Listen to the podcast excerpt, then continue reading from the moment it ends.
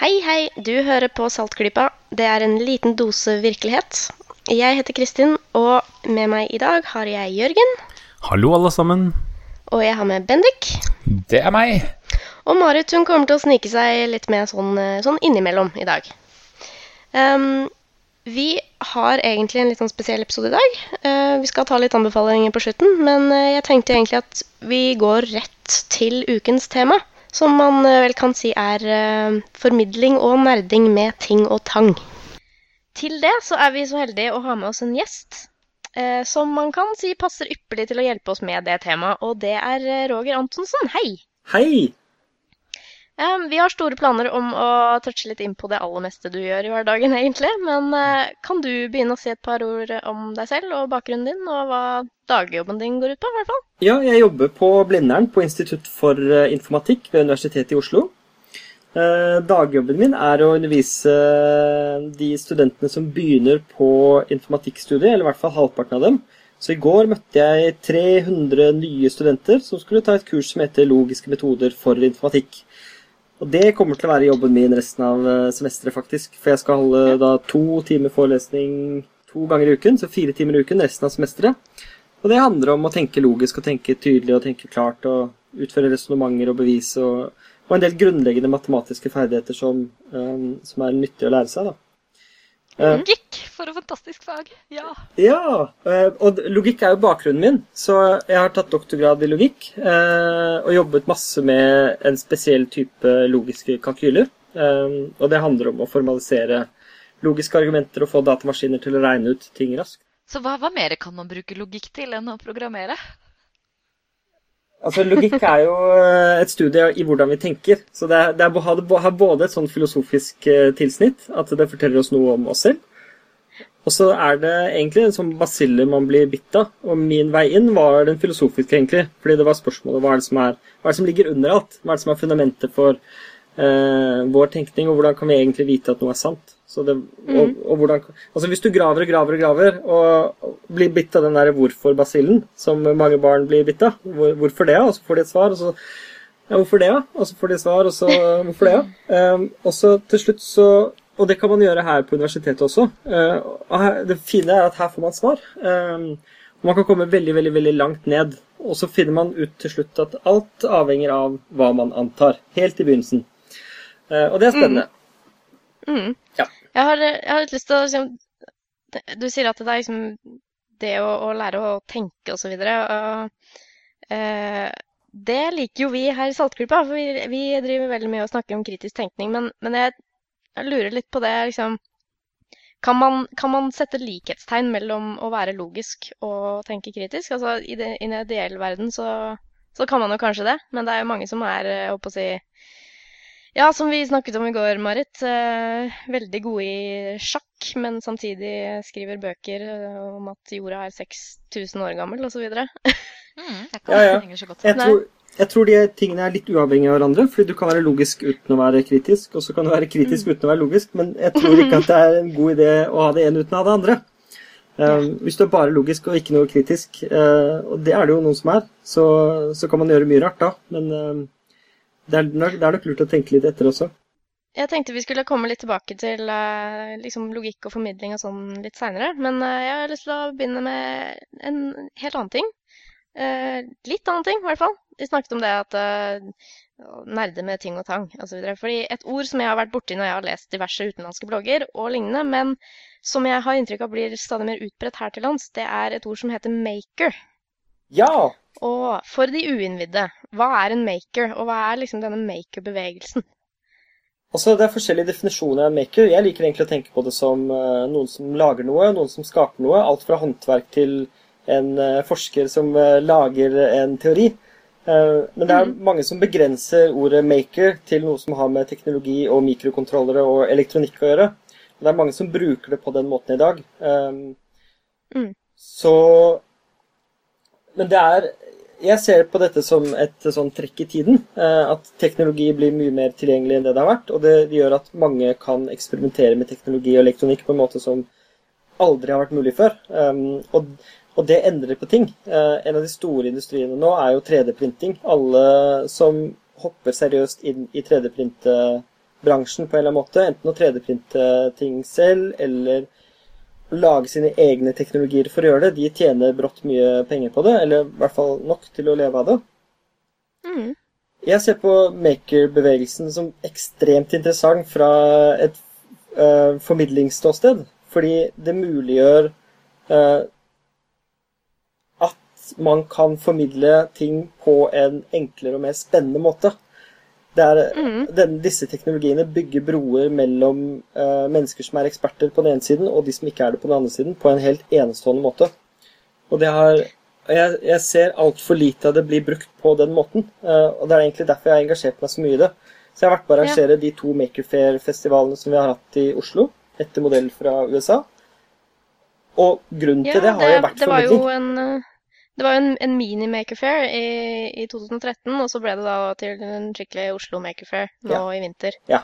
Og i tillegg så har jeg lest at vi skal ha Europas første MakerCon, altså konferanse i oktober. Betyr det at uh, liksom utbredelsen av altså, denne bevegelsen i Norge er ny og vokser, eller har den vært der uh, lenge? Den kommer. Eh, vi henger bare liksom litt etter en del andre land, men den er på full vei inn, og den endrer på ting. og Du legger merke til det fordi folk snakker om 3D-printing på en annen måte, og de snakker om Arduino på en annen måte, og det Mm. har plutselig blitt en del av folks vokabular.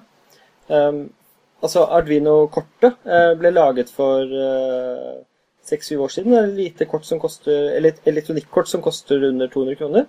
Som gjør det mulig for nesten uh, hvem som helst å programmere ting, å programmere elektronikk. Mm. For det var det jeg hadde lyst til å spørre litt om, eh, med tidsrammen her. For som, som vi sa, at ordet 'maker' er jo et ord som har kommet fram de siste årene. Det, så klart, i alle år så har jo menneskeheten drevet og plukket og pirket og jobbet med ting, men det at det liksom har vært en kultur eller en sånn der, nesten en hobby, det, det er litt Mm. nyere. Og, og jeg selv la jo merke til den når jeg også fikk min første Arduino-mikrokontroller for, en, eh, for en stund tilbake siden, og hadde jo kjempegøy med den. Nå har liksom teknologien kommet så langt at den har blitt såpass billig, og det er mulig å masseprodusere den. For vi har også de data Nvidia og lytterne våre har kanskje hørt om en liten datamaskin som heter Raspberry Pi, som også fikk massevis av Mm. blest på den samme måten. og for de som ikke vet, så er det en fullverdig datamaskin eh, som koster ja, 200 kroner eller noe på den også, og er på størrelse med en mobiltelefon, og kan kobles inn og programmeres til hva som helst omtrent. Og når man får sånn teknologi, så er det jo liksom noe helt annet. På 50-tallet de satt sikkert og hadde virkelig lyst til å dulle med dette her, de også, men når man sitter med vakuumrørene sine i stedet for en liten mikrokontroller, så er man litt mer ved grensa. Mm. Er du enig der? Jeg er helt enig, og det er, det er så fint. Altså, det åpner dører for oss som er formidlere og undervisere på en helt annen måte enn det enn det, har vært før. Og, og dette kan man bruke nesten i barneskolen, men i hvert fall i uh, ungdomsskolen og videregående skole. Vi har jo f.eks. hatt eh, kurs for ungdom, nei, videregående skoleelever her, hvor de har laget sitt eget måleutstyr, sånn vitenskapelig måleutstyr ved hjelp av Arduino og noen enkle lysfølsomme motstandere og sånn. Og gitt dem i oppgave å, å undersøke gjennomsiktigheten av noen væsker. Eh, som de, de, de, får, de får ikke oppgitt eh, hvor gjennomsiktig det er, og så skal de måle det og finne ut av det selv. Og det, på, I løpet av to-tre timer så klarer alle å da programmere sitt eget måleutstyr og finne ut av dette selv. Og så har du sånne historier med mennesker som sender Arduino-kort opp i, eh, sammen med et kamera og tar bilder og finner ut at jorda ikke er flat og sånne ting. Eh, Så eh, egentlig så er, men er det ikke bare det at det er billig, men at det er brukervennligheten. Det har med design å gjøre.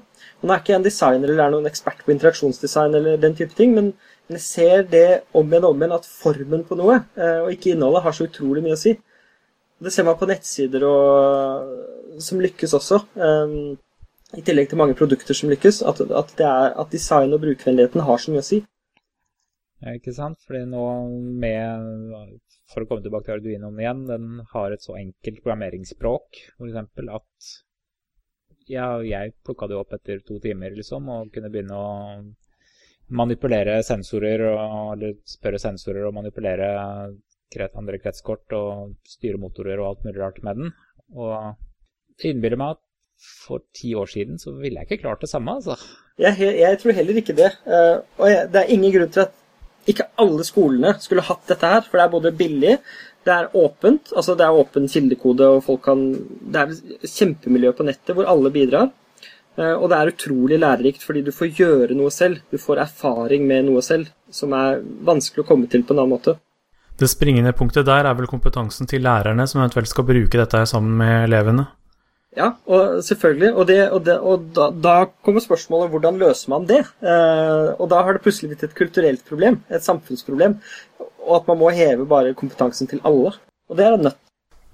Ja, Du nevnte jo i stad at det, det, er jo ikke bare teknologi som du regner som innenfor maker-begrepet. Eh, jeg merket meg på Makerfair i Oslo at eh, det var en stand med kostymemakere, blant annet. Mm.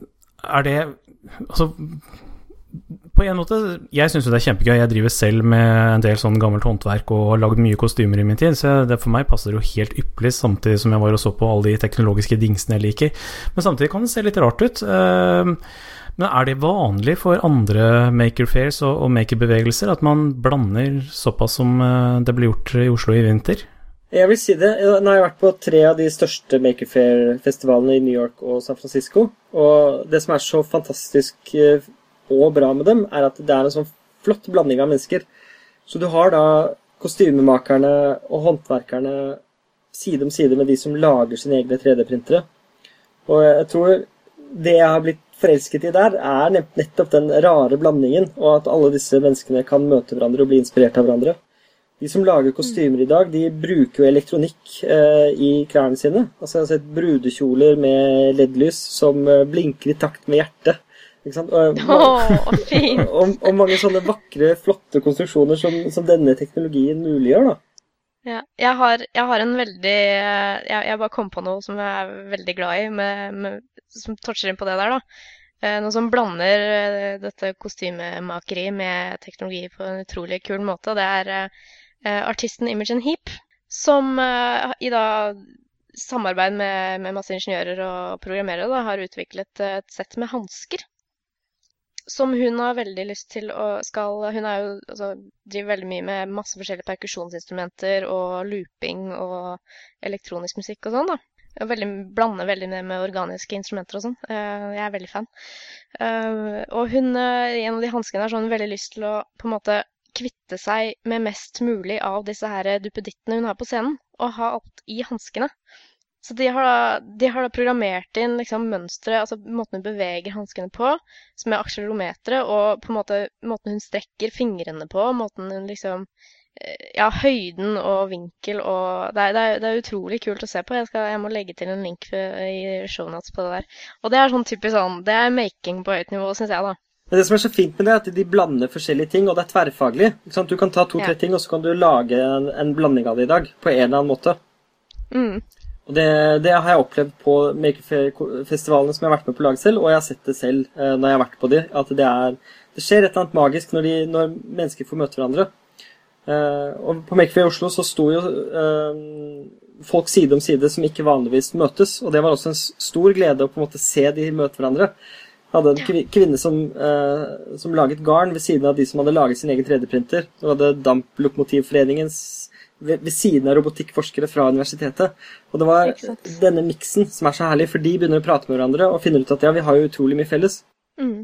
Men det var et spørsmål noen stilte som jeg egentlig har lyst til å ta opp uh, tråden på litt, og det var koblingen mellom det som skjer i makerbevegelsen og, og all denne makingen, uh, og, og, egentlig uh, formidling, matematikk og forskning og programmering. Um, for det er sånn, et sånt overlapp som ikke så veldig ofte blir snakket om. Og det syns jeg er fryktelig rart.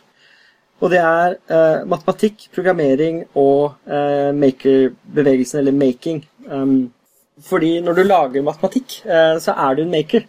Og når du lager dataprogrammer, så er du også en maker. Mm. I den forstand at du er kreativ, skaper av noe eh, som funker på en eller annen måte. Eh, og sånn er det i teorier også, for du antar noe, og kanskje det ikke funker, og da må du anta noe annet. Og den prosessen der, hele den prosessen er akkurat den samme som når du lager et produkt, eller når du lager et dataprogram. Så det er så mange Bare å ta, å ta det som er seriøst og tungt, og så flytte det ned på et hobbynivå, sånn at folk liksom skjønner at dette er jo morsomt og gøyalt og inspirerende, og man kan faktisk skape noe med alt det man lærer på i teorien sin. Ja, det er en annen kobling som jeg også er veldig opptatt av. Eh, at du kan koble noe som er veldig abstrakt og teoretisk til noe som er veldig konkret eh, og fysisk. Og jo større den avstanden er, jo, jo, mer er jeg fascinert av det. Det er en annen ting som jeg syns er spennende. Mm. Så flott. Ja. Nei, du skrev jo, du skrev jo en, eh, en, sak i Aftenposten i fjor, var det vel? Om uh, matematikk og forståelse. Og det syns jeg en setning som jeg syns er veldig fin der, som uh, har litt sånn dobbel betydning, da. Mm -hmm. Det er at du sier at matematikk er kunsten å tenke. Og det, det, er litt sånn som du sa med logikk også, men det, at, det kan være, det kan være noe kreativt og noe, noe kunstnerisk, da. Ja. Det kan jo på en måte treffe mange hvis, hvis, de, hvis de, tar det til seg. ja, og, ja, og det, det, er egentlig Programmering er et uttrykk for matematikk på den måten. Um, mm. Fordi du kan uttrykke deg selv på en veldig presis måte, og det er, en, det er en kunst. Det er et annet helt utrolig flott sitat om matematikk, og det er jo at matematikk er frihet. Uh, det var det Kantor som sa uh, for et hundre år siden. Og det liker jeg så godt, fordi i matematikk så kan du gjøre og anta hva som helst. Du kan til og med anta ting som ikke er sant. Og så kan du ja. resonnere fra den antakelsen og finne ut av noe som er virkelig i vår fysiske virkelighet. Mm -hmm. Og det er, veldig, det er veldig kraftig, da. Altså du har et sånt eh, rom, et sånt tankerom, som er så, som er så fritt. Som ja. Og det tok så lang tid før jeg oppdaget det. Uh, så det er egentlig sånn forelskelsen min i det som har gjort at jeg skrev den kronikken. Mm. En annen ting som er uh, åpent og fritt, er, er, på din egen arbeidsplass. Uh, for jeg regner med at åpen sone for eksperimentell informatikk fremdeles står? Ja, den står, og er i full aktivitet. Vi skal ha masse kurs og aktiviteter hele denne høsten. Kan si litt kort om hva det er, for de som eventuelt uh, ikke ante at det er et sted de absolutt trenger å besøke, hvis de får sjansen? Uh, åpen sone for eksperimentell informatikk er et uh, makerspace og et hackerspace som inneholder det man trenger av ting og tang for å lage ting selv. Vi har 3D-printere, vi har sysaker, vi har masse Arduino, Raspberry Pi, Beaglebone og alle de andre plattformene som folk bruker til å programmere ting. Uh, skrutrekkere, loddebolt, uh, masse tøy og trepinner og lim og saks og alt det man trenger. Plast, masse plast. Um, Nå fikk så, jeg sånn nære flashback tilbake til nesten barnehagen. Vi satt og limte ispinner sammen med piperenser her. Ja, vi har jo piperenser på kontoret, og det er kjempe Kan man bruke til alt. Um, uh, ja, jeg satt akkurat og lekte med dem. Det er synd at vi ikke har video på denne, da. Uh, dette, her er tre, dette er tre piperenser som er lenket sammen på en sånn måte at hvis du tar bort én, så går de to andre fra hverandre også. Um, og det er, det er et eksempel på et matematisk fenomen eller noe som har et veldig klart og tydelig fysisk uttrykk. Um, så det er vel egentlig Ok, bare for å komme tilbake til det vi snakket om. Uh, sonen, uh, eller åpen sone for eksperimentell informatikk, er egentlig bare et sted uh, hvor studenter kan møtes og, og kose seg med faget. Uh, hele dette faget, jeg mener ikke bare informatikk, men på en måte fag. Alt det man lærer på en ålreit måte. Og jeg tror ikke mm. man trenger noe annet egentlig enn de, de, grunnleggende tingene for at man skulle kunne gjøre det. No, det, det, som blir brukt mest på det rommet, er nesten trepinnene fra, fra Biltema, som man bruker til å fyre, fyre med. Det er som 50, For 50 kroner så får du en bærepose med trepinner. Sånn hundrevis av dem. Og de kan man sette sammen på, på veldig mange forskjellige måter. Og ved hjelp av de så kan du utforske matematiske strukturer. Du kan bygge deg en 3D-printer eller et helikopter. Ja, nå er det jo sånn dronemote, ja. eh, så alle bygger da sine egne droner og flyr med dem og sånn. Men du har også eh, noe som heter smarte sjongleringsballer. Hva er det? Eh, det er, det er, baller med datamaskiner inni, eh, og ballene kommuniserer med hverandre, og så lyser ballene opp avhengig av hva som har blitt gjort med dem. Så kult. Og det er, det er, et eksempel på at du kan ta noe og gjøre det smart. Eh, og det med sjongleringen, det har jo med matematikk å gjøre, for det er matematikk bak sjonglering. Men det er et eksempel på at det er en fin matematisk teori, og at den har et fysisk uttrykk som, man, som er fascinerende. Eh, og når det er noe som lyser og lager lyd, noe som er liksom primitivt på den måten, så appellerer det til mange. Og, og, det gjør at mange kan bli forelsket i faget. Og det er, derfor jeg, det er derfor jeg liker det så godt. For jeg kan gå opp til en åtteåring eller en 70-åring og snakke om noe spennende ved å vise dem noe konkret. Så jeg kan ta frem tre-fire sjongleringsballer eh, som er helt vanlige, eller tre-fire appelsiner, og snakke om matematikk ved hjelp av det. Eller man kan bruke skolis eller slips eller trepinner eller noe, eller hva som helst, egentlig. Mynter eller klinkekuler eller uh, Og snakke om ting som er spennende, da. Jeg har jo faktisk sett de uh, ballene i aksjon, jeg. Ja. Uh, det var veldig gøy. Jeg så de på et sånn forskningsformidlingsseminar med Forskningsrådet.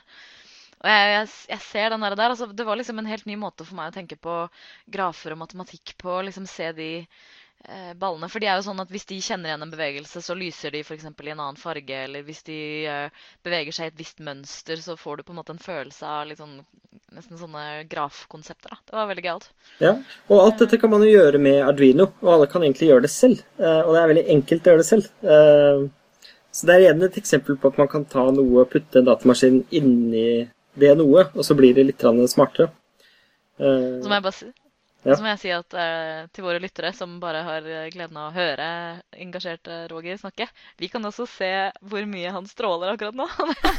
Ganske mye. ja, dere, får, dere, drar meg litt i gang, da. Men det, det, er, um, det, er, dere som er flinke. Uh, det er veldig fint podkast dere har, altså. Jeg syns det er uh, Takk for det. Ja.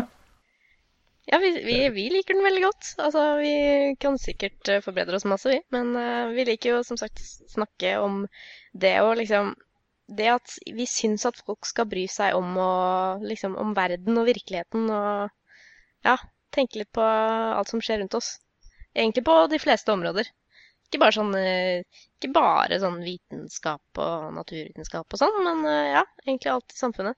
Det er sykt mye som henger sammen, altså. Det, det syns jeg er så fint mål. Jeg er helt enig. og jeg man tenker jo veldig lite, litt for lite over det, men det er jo fryktelig mye matematikk og mønstre og spennende fenomener overalt. Hvis man bare åpner øynene og titter litt. Mm. Ja. Jeg satt her og, og, hørte på deg fortelle om uh, særlig den her åpen sone. Jeg begynte å studere informatikk selv uh, på begynnelsen av 90-tallet, og da fantes jo ikke akkurat noe sånt noe. Og, og, matten ble for meg veldig abstrakt, så, så jeg hoppet av hele den greia og bestemte meg da for å bli smed istedenfor. Så det er så bra. ja, veldig bra. Men jeg er fortsatt i, i det, å hoppe over til det kreative, men eh, jeg oppfatta jo veldig mye av den delen av det jeg studerte og jobba med etter hvert, som eh, veldig mye fysikk. Eh, og man kunne sikkert kobla mye matte inn det også, det var vel ikke akkurat den assosiasjonen jeg gjorde. Men, men altså, det er masse ting som henger sammen, så jeg, med den lille naturvitenskapelige bakgrunnen jeg hadde da jeg begynte med kulturhistoriske fag og sånn i tillegg, så, så har det vært med hele veien. Jeg syns det er veldig, veldig nyttig å ha med. Ja, eh, men jeg, jeg er jo veldig fascinert av ting som har et fysisk uttrykk. Og det er og og når avstanden er veldig stor mellom det, mellom det konkrete og det abstrakte. Eh, jeg tror det er da, da, det skaper størst fascinasjon hos meg. Så du sier det med Og det med sånn smed Jeg har også gått på sånn smedkurs for to år siden. Det var kjempegøy. Jeg sto i syv timer og banket. Eh, og det er noe ekstremt konkret. Og du, du, lukter, og du på en måte er i det. Men samtidig så har du all denne materialvitenskapen som ligger under, og, og, og ting som får konsekvenser da, hvis du gjør på den ene eller andre måten. En, eh, en, siste ting jeg har lyst til å spørre om her. Eh, I hvert fall i mine sirkler, nå er jo mine sirkler bestående stort sett av nerder, men i mine sirkler som liker dette her, så i hvert fall de som er liksom fans av maker, og de som liker making, de er gjerne nerder. Er det litt for mye overlapp mellom de selverklærte nerdene på dette her, eller klarer man å nå ut til eh, liksom, de store massene med dette her det der er et vanskelig spørsmål, og jeg, jeg er ikke den rette å spørre. For jeg har liksom ikke Jeg tror jeg har nerdet meg så mye inn at jeg, jeg har mistet litt sånn bakkekontakten. Eller jeg veit ikke lenger hvordan det er der ute. Men når det er sagt, så er det noe som skjer. Og det, og det ser man eksempler på ved at f.eks. Make Magazine har blitt en sånn kjempestor, og, og for så vidt også ganske kommers eh, greie, som, som, bruker dette eh, fenomenet at teknologi blir tilgjengelig, og at folk lar seg fascinere, til å dra med enda flere inn i det ved å fortelle, gi instruksjoner på hvordan ting skal gjøres. Og så har man ting på nett som gjør det, så sånn nettsider som Instructables eh, spesielt, hvor alle kan laste opp instruksjoner på hvordan du kan gjøre noe. Alt fra matlaging til eh, å sy klær til å lage ganske komplekse, store, avanserte ting. som blir mer og mer populært. I tillegg til at teknologiene kommer. Um, så jeg tror det er en sånn skifte som er i ferd med å skje. At det blir færre Det blir åpent for flere enn bare nerdene. Uh, så vi kan gjøre det tankeeksperimentet og forestille oss at det har gått 50 år da, fra nå. At vi lever i 20, hva blir det, 64. Um, hvordan ser det ut da, liksom? hvordan, hvordan, hva, slags, hva, er, hva vil en tolvåring være i stand til å lage om 50 år selv? Det er et morsomt tankeeksperiment. Og, og, hva slags teknologier er en tolvåring i stand til å beherske? Eh, vil han ha et annet, eller hun ha et annet forhold til det å modellere ting i tre dimensjoner, f.eks.? Uh, og har de en, et annet forhold til tre dimensjoner enn det vi har, altså, og folk som vokser opp i dag? Uh, vil, vil, disse 3D-verktøyene være så enkle å bruke at de på en måte kan uh, gjøre noe med hendene og med tastatur og de diverse tingene som vi har da? få et Eh, virtuelt objekt eh, inn i datamaskinen, trykke på en knapp og få det ut sant, i løpet av en halvtime. Eh, det syns jeg er utrolig fascinerende å tenke på. Hva er det vi gjør i dag som, som både leder opp mot det? da? Og vi er allerede i ferd med å 3D-printe mye annet materiale enn plast.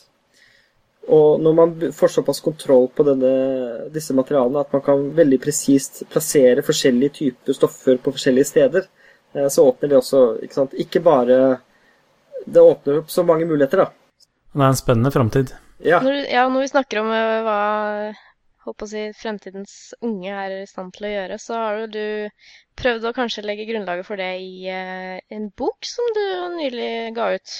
Ja! Som heter 'Logiske metoder. Kunsten å tenke abstrakt og matematisk'. Den er ute på universitetsforlaget.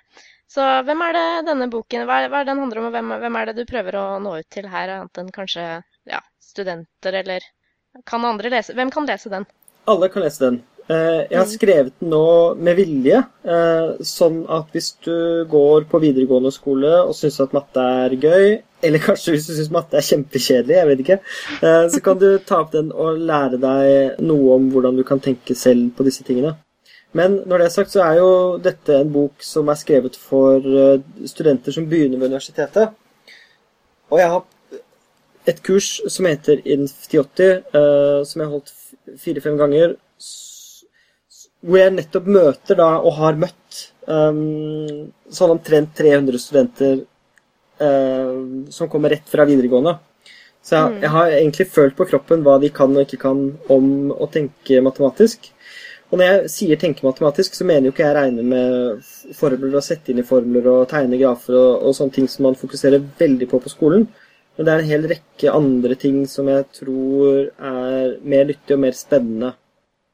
Så, så jeg mener egentlig at alle jeg ønske, For så vidt skulle ønske at den var eh, en introduksjonsbok på Matnat, men det er kanskje å ta, dra det litt langt, for det er ikke alle som trenger alt som står der. Så den er, den er rettet mot de som skal holde på litt mer programmering, men den er ikke begrenset til det, hvis du skjønner hva jeg mener. Så mm. et poeng som jeg, som jeg, gjentar Eller det er en del poeng som går igjen i boken, men ett er jo at du kan definere dine egne matematiske objekter. Det trenger ikke å være tall. Uh, fordi det er så mange andre matematiske strukturer og objekter som er spennende å tenke på. Vi er så utrolig opptatt av tall, og det er ikke så rart, fordi tall kan brukes til så mye. Eh, og det er jo fordi tall er noe av det mest abstrakte som fins. Men vi har også strenger og trær og tupler og, og, og, logiske kalkyler og bevis og grafer. Og spesielt grafer er jo veldig visuelt, men det er også en type matematisk struktur som man kan utforske og representere på samme måte som tall. Og et poeng jeg mm. forsøker å gjøre, er at det vi gjør med tall, hvis du tenker etter, hva er det? Det er å representere noe med symboler, og så er det å manipulere symbolene på en eller annen måte. Og så kommer du ut på andre siden med en innsikt om det du representerte til å begynne med. Men det kan du gjøre med knuter og grafer og trær og alt mulig annet. Du kan ta fenomenet, representere det med symboler, gjøre noe på et symbolnivå, og så kan du gå tilbake med en større innsikt om det du gjorde. Og det, og, og det, så det er det jeg forsøker å si veldig tydelig, da. Jeg kan, si, jeg kan si veldig mye mer om boken, altså. Uh, ja, nei, det er bare å nevne noen gode eksempler, f.eks., hvis jeg har lyst til å tease lytterne litt. Ja, du har jo denne Jeg fant akkurat ut Det var sånn en uke før den skulle sendes til trykkeriet, så fant jeg at det er en sammenheng mellom morsetegn og Fibonacci-tall. Og så var det bare Oi! Og, Ja, og det var så gøy å finne ut. Og så, og så regnet jeg på det, eller tenkte litt over det, og så er det sånn ah, det er selvfølgelig, hvorfor har jeg ikke tenkt på det? Uh, så det gikk opp for meg at hvis du teller antall uh, morsetegn av en gitt lengde, så er det Fibonacci-tall. Og Fibonacci-tallet som du vet om, det er jo disse man finner i naturen, og det er den tallrekken som er som eh, 2, 3, 5, 8, 13, 21 osv. Hvor hvert, hvert tall er lik summen av de to foregående. Mm. Ja. Og den dukker opp på de utroligste steder, denne tallrekken. Eh, men også da i disse morsetegnene. Eh, og da må du definere hva lengden til et morsetegn er, da. Så bare for å gjøre det helt presist. Hvis en, en prikk har lengde 1 og en strek har lengde 2, så, kan du, så teller du opp hvor mange du har av lengde n. Og det blir alltid Fibonacci-tall, da. Så en Oi. oppgave i boken, det er å da bevise det. Uh. Oi! Dette, Så, de, så de skal tenke litt selv òg, altså. De skal ikke bare lese. Ja, det er masse, det, jeg tror det er over 300 oppgaver i boken som ikke har noe løsningsforslag. Men som er, altså, som er enkle å løse, da. Så den, mm. den, skal, den begynner enkelt, og så blir det vanskeligere og vanskeligere. Mm. Hanois tårn er et annet morsomt eksempel. Dere kjenner kanskje til det. Du har tre pinner, og så har du masse skiver som ligger på disse pinnene. Så er skivene av Yes. forskjellig størrelse. Så hvis du har fem skiver, hvor den nederste skiven er, eh, er størst eller bredest, og så den minste er øverst, så er det oppgaven å flytte alle eh, skivene fra en pinne til en annen eh, ved å flytte én og én, og regelen er at ingen større skive kan ligge oppå en mindre. Og, det er en, ja. og det er en lek fra Jeg husker ikke nøyaktig når det er 1800-tallet eller noe sånt. Og ja, det var veldig upresist. Det er et eksempel fra 1883. Sånn var det. Mm. Eh, og, eh, og man kan da regne på hvor mange trekk det tar. Og det gjør jeg en sånn fullstendig analyse av. Og det er også en sånn type problemstilling som er veldig relevant, spesielt hvis du skal lære deg litt programmering, for da er du nødt til å vite hvor lang tid et program vil bruke i verste tilfelle. Mm. Og ja, det er jo et antall operasjoner, liksom. Ja, i verste tilfelle. Og det blir, men har jeg en Oyster, så blir det eksponentielt eh, Det vokser eksponentielt, da. Så hvis du f.eks. tar i skikkelig, og så har du 64 skiver eh, Det er ganske lite sånn 64, men tiden det vil ta, er jo Hva er det regnet ut, da? Eh, 600 milliarder år, eller noe sånt. Eh, hvis du bruker ett ett Ja, én skive per sekund, eller et eller annet sånt. Ja. Så du må sette av det i kalenderen hvis du skal prøve det. Ja. Ja. Ja, nei, men det er, det er greit. Ja. Og Men det- eh, jeg hørte Ja, Ja. Nei, bare si mer. Nei, men jeg- nei, jeg får sånne assosiasjoner, fordi når jeg skrev boken, så lærte jeg ganske mye selv. For jeg, leste Altså, det er alltid sånn at du bør vite litt mer enn det du skriver. Um, så Hanois tårn eh, med fire pinner, det er faktisk så komplekst at det ikke er noen som har funnet svaret på det. Det er ingen som veit den optimale løsningen med fire pinner. Yes. Så det blir litt sånn derre eh, Litt sånn som sånn, mange partikkelsystemer i fysikken. Da. At det, du skal ikke opp til så mange før, før det blir fullstendig At du må bruke helt andre metoder for å regne på det. nettopp. Og det blir fort så komplekst at vi ikke skjønner det, da. Um, Mm. Det er en annen hobby jeg har, å finne eksempler på ting som er sånn. eh, hvor avstanden er, avstanden er størst mellom det med prinsippene som ligger i bunnen, og konsekvensene eh, som de får. Så kult. Og det er jo sånn kaosteori, og det finnes veldig mange eksempler i, i, den, i den sjangeren der som er veldig spennende og tilgjengelige.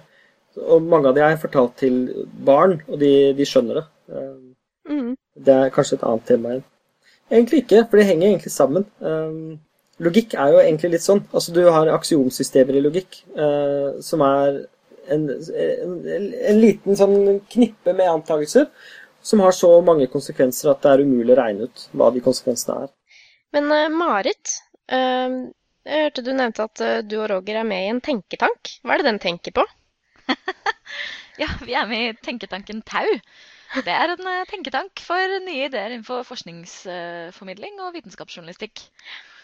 Så, så ja, vi, vi tenker på mye rart, vi faktisk. Vi gjør det. Eh, Akkurat nå så jobber vi med Forskningsrådet for å arrangere noen eh, happenings for voksne i forbindelse med forskningsdagene i september. Det tror jeg blir veldig gøy. Da skal vi ha litt eh, andre, andre typer ting. Vi skal ha litt sånn musikk og forskning, og vi skal ha litt humor og forskning, og mat og forskning. Det blir bra. Ja, og der har jeg blandet meg litt i musikkbiten. og se hva er det som skjer i overlappet mellom musikk og teknologi og matematikk. Eh, og og, og liksom, hvilke muligheter er det ny teknologi gir, og hva slags ny musikk skaper det, og hvordan er egentlig, hvor, hvor havner forskningen inn i det? Det er også veldig spennende. Bak, Mm. Bakgrunnen for det var egentlig at jeg syns at matematikk og musikk eh, Og den koblingen der er så spennende. Men eh, ja. Men det får dere se på forskningsdagene. Eh, Mm. Det blir veldig gøy. Kult. 13. til 27. september, om jeg husker rett. Det har er anbefalt verdt å anbefale generelt.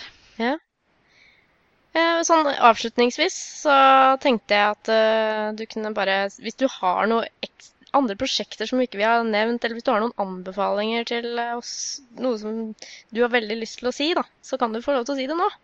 Oi, det var veldig gøy. Jeg må Ja. tenke to sekunder på det. Ja. Uh, For det er veldig mye spennende som skjer, altså. Men vi har jo vært innom en del av det. Jeg har et annet prosjekt, og det er jo UiO, det er noe som heter UiO Opplevelser. Vi begynte på det i fjor. Ja. eh, og i fjor så reiste vi til Tusenfryd, så jeg ansatte en tre-fire studenter. Og så laget vi enkelt sånn målutstyr med Arduino og akselerometer, og så kjørte vi berg-og-dal-baner. Så målte vi G-krefter. Eh, og konsekvensen av det Jeg vil! Jeg, vil! jeg vil også være med. Men dette er så enkelt. Det kan egentlig, altså, første gang jeg gjorde det, så var det med mobilen. Da lastet jeg en sånn app på mobilen, satte meg i en av disse og reiste hjem og tok opp eh, MATLAB eller et av disse tegneprogrammene. eh, Og på en måte så grafen over eh, denne ene berg-og-dal-banen. Men, men det poenget som kanskje er viktig for oss her, det, er flere. Det ene er at man kan ha det veldig mye gøy med denne teknologien, og det skal man gjøre.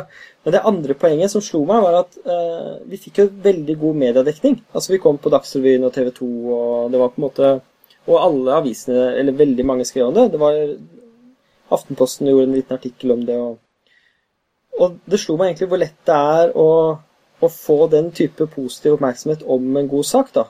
Det, så det savner jeg litt, at det ikke skjer mer av. Av den type et eller annet fenomen. Og så kobler man på eh, en eller annen smart, original analyse, og så ser man eh, Og så prøver man å få litt blest om realfag på den måten. Mm. Så vi har et prosjekt eh, på gang nå. Så forhåpentligvis, og det er UiO-opplevelser igjen, eh, med støtte fra Forskningsrådet. Eh, jeg kan ikke egentlig si hva det er ennå, eh, men forhåpentligvis så kommer vi på tilsvarende måte å få litt oppmerksomhet nå i løpet av en måned eller to. Men jeg kan si i all ærlighet at vi bygger noe stort. Og har bygget noe stort i hele sommer. Nice. Eh, men jeg kan ikke si hva det er. Ja. Det skjer åpenbart mye gøy. Er det noe sted vi kan følge med på hva som skjer framover? En Twitter-konto eller en blogg eller et eller annet? Eh, jeg vil leke med tanken på å lage min egen, men det er eh, Vi har en nettside til UI-opplevelser som heter opplevelseruo.no. Eh, der skjer det litt. Og så har vi nettsidene til Sonen, som er sonen.ifi.uo.no. Og så er det mulig at jeg kommer til å tvitre om dere på min Twitter-konto, som er Rantonsvare, uten enden på slutten. Det kan stemme bra, det. Vi skal uansett lenke til, eh, til alt som eh, sies her nå. Ja, Eller så er det, det er egentlig boken som har vært uh, det jeg har gjort døgnet rundt i, noen, Ja. i, en, i en god stund. Så det er, mye, det er mye som ligger der. Men det var på en måte veldig godt å ha skrevet den boken, fordi jeg, jeg har holdt veldig mange populærvitenskapelige foredrag uh, om matematikk. Og de blir jo veldig sånn showaktige. ikke sant? Man gjør et eller annet artig med å få folk til å le litt, og det, det blir fort, fort litt overfladisk, selv om det er på en måte kunsten å holde seg Det er en kunst å holde seg unna det. Så det er egentlig godt å på en måte ha skrevet læreboken, som på en måte er et fundament for veldig mye av det, det jeg leker med, eh, og det andre, som, er, som har et veldig sånn underholdningspreget uttrykk. Høres flott ut. Bra med litt, litt tyngde og litt eh, moro, altså. Mm. Ja. Men eh, jeg tror at eh, det er kanskje et passende tidspunkt å runde av, selv om vi skulle gjerne snakket i ja, døgnet rundt om dette her. Vi er jo så glade i alt, alt du snakker om. Ja, det, Det er det vi har felles, tror jeg. Jeg tror vi har det, altså. Og det er Ja. kjempefin blogg dere har. Eh, Det er så bra at dere gjør det dere gjør. Så takk for at dere Ja. inviterte meg. Eh, Veldig hyggelig. Så bra. Men da sier vi tusen takk for at du tok deg tiden til å snakke med oss. Ja, Og er lykke, lykke til videre. tusen takk. Ha det bra. Hei. Vi har noen anbefalinger denne uken også, faktisk en god del. Um, først, siden vi ikke hadde noe særlig med nyhetssaker i dag, så tenkte jeg bare vi kunne anbefale dere en liten, um, en liten bloggpost dere kan lese. Fordi uh, nå har eh, vår alles kjære sjefskeptiker Gunnar Tjumlid vært og rettet på en eh, fyr som har fått mye feil eh, igjen. Eh, det er en som heter Nils Christian Gehl Møyden, som har eh, da tatt på seg det hellige ansvar å skrive om åtte myter om mat. Og eh, Gunnar har vært flink og tatt for seg disse mytene og ja, egentlig bare ryddet opp i dem litt. Og han gjør det på en veldig grei måte, syns jeg, da. Jeg vet ikke om dere har lest den, ja? Jo da, jeg har lest den. Og det er eh, interessant, for altså Gelmyden skriver om åtte myter om mat, og så retter på dem. Bortsett fra at det han gjør, er å innføre myter om mat. Ja. For det er fryktelig mye teknisk feil i det han sier. Det er helt klart eh, motivert ut fra en innstilling om at å, fy, mat er fælt. Eller ikke mat er fælt, men eh, konvensjonelt dyrket mat og, og måten mat selges på og behandles på i dag, er fryktelig fæl. ja. Ehm, mens vitenskapen jo sier noe annet. Nei, det er rett og slett litt, eh, litt uryddig gjort, altså, med andre ord. Ja, mye kildeplukking. Plukker Ja. akkurat det som sier det han vil, og ignorerer det meste annet. Ja, nei, det er ikke noe særlig skeptisk framgang, det. Eh, dere kan jo ta og gå gjennom det som Gunnar skrev, eh, og der er det jo selvfølgelig også en link til det eh, Gilmøyden skrev. Så da går det an å sjekke litt kilder og ha det litt gøy med det, syns jeg. Litt sånn eh, fin lektyre på starten av uka. Jeg vil gjerne føye til der at eh, det er jo de mytene som Gilmuden skaper. Det er jo ikke Ja. direkte skapt av han, dette er jo holdninger som er i et miljø. Så ved å lese den artikkelen, selv om du ikke kjenner saken fra før av, så får du veldig mye nyttig informasjon ved å lese artikkelen til Gunnar, fordi dette er temaer som du helt sikkert vil møte på i andre sammenhenger. Dette er sånn type ting som folk eh, snakker om i lunsjen på jobb og sånn, ja. Det har jeg erfaring med selv. Å ja.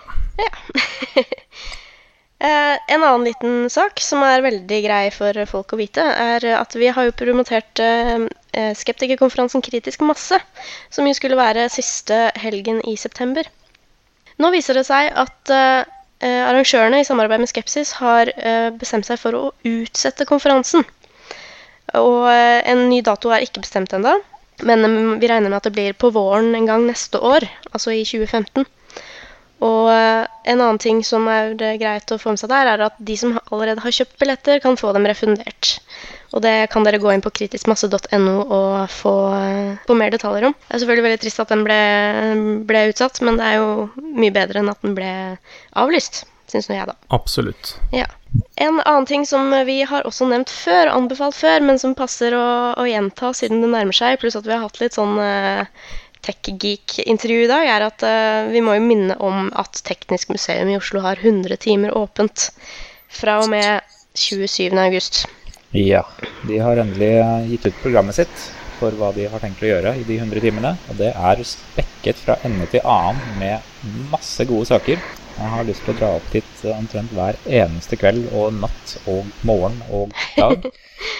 Jeg må nok dessverre bare dra opp til lørdag kveld, tror jeg. Ja. Eh, Men de har masse kule ting. De har eh, frokost med forskere. De har show, vitenshow med Andreas Wahl. De har andre elektroniske Andreas Wahl og Tesla Coils må jeg bare tilføre. Det, Ja, han Ja. har fått en Tesla Coil nå. De har masse aktiviteter. De har presenterer Norges største stjernekikkert, åpen sone for eksperimentell informatikk, som jeg har nevnt. De kommer til å være der på fredag kveld. De har lydverksted. Sjekk ut programmet på nettsidene til eh, Teknisk museum, og dra opp dit. mm. Gjør det. Jeg har tenkt til å dra opp dit eh, lørdag kveld, sannsynligvis. Det hadde vært kult å treffe noen av dere lyttere der. Ja, lørdag kveld passer faktisk veldig bra for meg òg. Det, eh, det det, er det jeg, jeg kommer på som passer best. Så mhm, absolutt.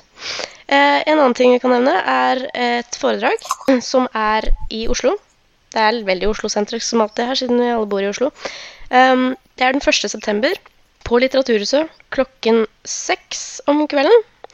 Og det er da et foredrag om eh, pseudovitenskap av eh, vitenskapsfilosofen Massimo Piliucci, som har vært i Oslo før også. Eh, og eh, ja, skeptikerne kjenner sikkert han fra hans, annet hans podkast som heter Rationally Speaking. Og han kommer hit også i forbindelse med Christine Bonnevie-foredragene på Blindern. Og der skal han også ha et lite innlegg dagen etter, sammen med da hovedforedragsholder, som heter så mye som eh, Hopi H Extra.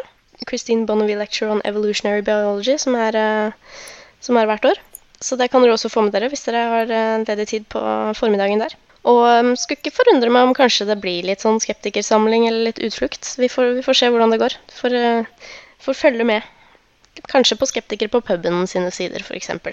Mm. Ja. Ja, Pigliucci han han er spennende å høre på, så jeg anbefaler det sterkt. ja. Um, det, han har skrevet annet en bok som heter 'Nonsense on Stilts'. Som er en sånn kul liten innføring i uh, dårlig vitenskap og har med litt sånn filosofi innimellom der og sånn. Det var det. Var det noe mer vi har å anbefale da? Tror det var listen vår for denne gangen. Ja, det er vel omtrent så mye som lytterne våre klarer å Ja, Nå skal du ikke undervurdere lytterne våre, så de er en ganske smart bunch. Ja, ok da. Greit. Men da tror jeg vi runder av for denne gang, rett og slett. Det var, et, eh, det var en kul episode denne gangen, folkens. Mm. Så da ses vi om eh, ikke så altfor altfor lenge. Og da gjenstår det bare å si ha det på badet. Ha det bra, alle sammen.